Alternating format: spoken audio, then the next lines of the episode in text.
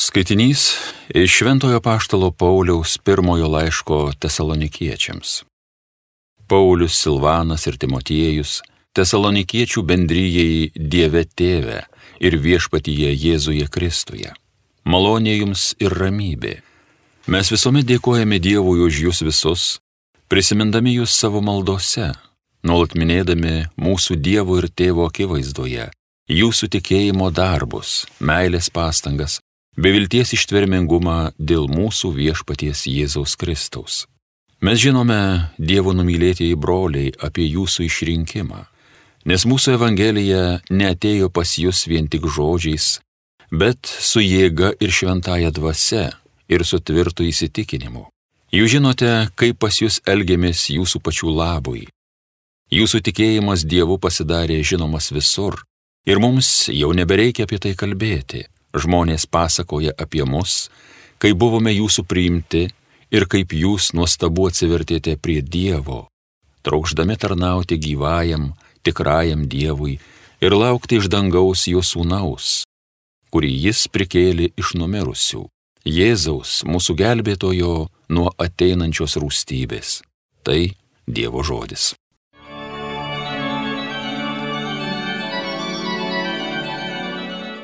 Myli viešpats savo tautą. Viešpačiui naują giesmę gėdokit, garbinkit jį susibūrę šventieji, savo kūrėjų Izraelį žavėkis, džiūgaukit Jeruzalės sūnus, turėdami tokį valdovą. Myli viešpats savo tautą. Šlovinkit viešpatį susibūrę ratelin, muškite būgnais, kankliuokit. Myli jisai savo tautą, pergalę puošia silpnuosius. Myli viešpats savo tautą. Džiaugsmas garbėjim šventieji, linksmybė jūsų buveiniai, valiuodami garbinkit Dievą, tai jums garbė bus Dievo šventieji. Myli viešpats savo tautą. Alleluja, alleluja, alleluja. Manosios avys klauso mano balso, sako viešpats, aš jas pažįstu ir jos seka paskui mane. Alleluja, alleluja, alleluja. Iš Evangelijos pagal Matą. Jėzus kalbėjo, vargas jums, veidmainiai rašto aiškintojai ir fariziejai, jūs užrakinate žmonėms dangaus karalystę ir nei patys neįeinate, nei trokštančių ją patekti neleidžiate. Vargas jums, veidmainiai rašto aiškintojai ir friziejai, jūs keliaujate per jūrą ir sausumą, kad laimėtumėte vieną naujatekę, o kai toks atsiranda, jūs padarote iš jo pragaro vaiką, dvigubai blogesnį už jūs pačius. Vargas jums, aklyjei vadai, kurie mokote, Jei kas prisiektų šventiklą, tai nieko, o jei kas prisiektų šventiklos auksu, tai jis įsipareigoja. Kvaili jūs ir akle. Kas didesnis auksas ar šventovė, kuri pašventina auksą? Arba nuot jūsų, jei kas prisiektų aukuru, tai nieko, jei kas prisiektų atnašant aukuro, tai įsipareigotas. Akli, kasgi didesnis atnaša aukuras, kuris pašventina atnašą? Todėl kas prisiekia altoriumi, tas prisiekia ir tuo, kas ant jo padėta. O kas prisiekia šventinklą, prisiekia ją ir tuo, kuris joje gyvena. Taipogi, kas prisiekia dangume, prisiekia Dievo sosto ir tuo, kuris jame sėdė.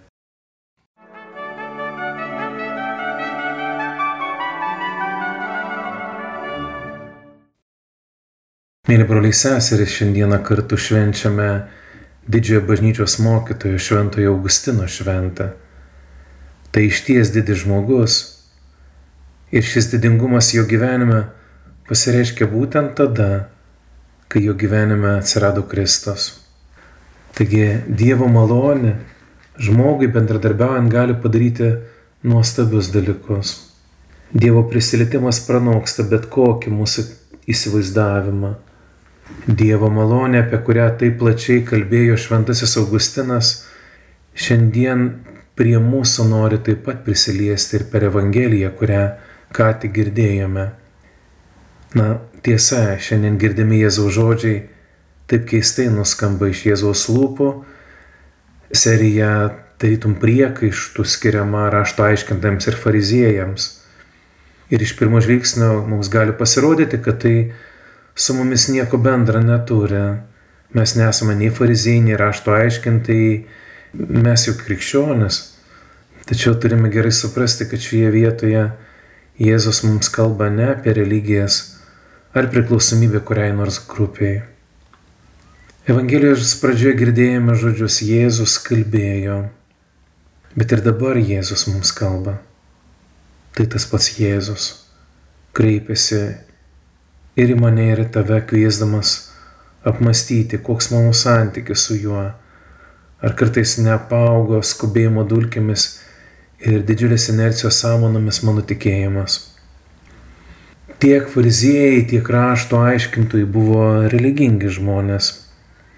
Jie gyveno laikydamiesi tam tikrų religinių normų bei taisyklių. Tad kuo jie Jėzų užkliūna? Jėzų užkliūna jų vykdomas tas išorinis ritualizmas. Jėzus kritikuoja šitokį išorinį ritualizmą. Kodėl? Todėl, kad už šitų išorinių dalykų taip dažnai ir mes galime pasislėpti. Farizieškumas šitokia prasme gali aplankyti kiekvieną iš mūsų. Išoriškai mes galime atrodyti labai pamaldus ir neprikaištingi, tačiau savo viduje, kaip Jėzus pastebi, galime būti pilni gopšumo, nesivaldymo, įvairių priekaištų, Mes galime tam tikrų olumu pasižymėti, apie kurį šiandieną kalba ir Evangelija, kaip skuba atversti kažkokį tai naujatikę ir visą tai išorišką.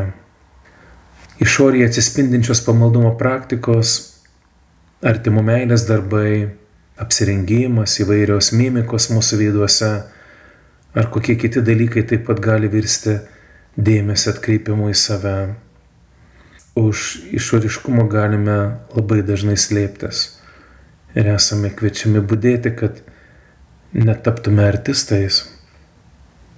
Yra nemažai žmonių, kurie tam tikrose gyvenimo etapuose na, negavo pakankamai meilės ar dėmesio, buvo neteisingai ugdomi arba visai palikti likimo valiai. Laikui bėgant jie vienokiu ar kitokiu būdu išsireikalauja dėmesio ir vadinamos meilės iš kitų. Juk galime taip gyventi ir elgtis, kad kiti esantys šalia mūsų turės suktis tik aplink mus, klausyti tik mūsų, matyti tik mūsų.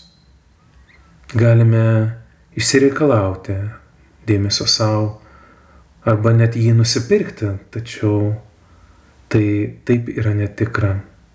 Visą tai veda ne į meilę, ne į asmens įsiskleidimą, bet į egoizmą, Jėzus kritikuoja šitokią laikyseną. Kas įvyksta žmogus gyvenime, kai jis bendradarbiauja su Dievo malone? Būtent tas bendradarbiavimas su malone ir šios dienos Evangelijos šviesoje mums gali nuostabiai parodyti kai kurias mūsų širdies kerteles. Ir Dievo artumas, kuris perkeitė šventojo Augustino gyvenimą, gali perkeisti ir mumise atsiradusias fariziškumo apraiškas, štai kokia yra galinga malonė, apie kurią tiek daug rašė. Ir netgi dėl šitų raštų malonės daktarų pavadintas Šventasis Augustinas. Taigi viešpatė teikia mums dieviškos šviesos, kad atpažintume savyje besislepančias fariziškumo apraiškas, kad apšviesti tavo malonės šviesos galėtume išgyti. Amen.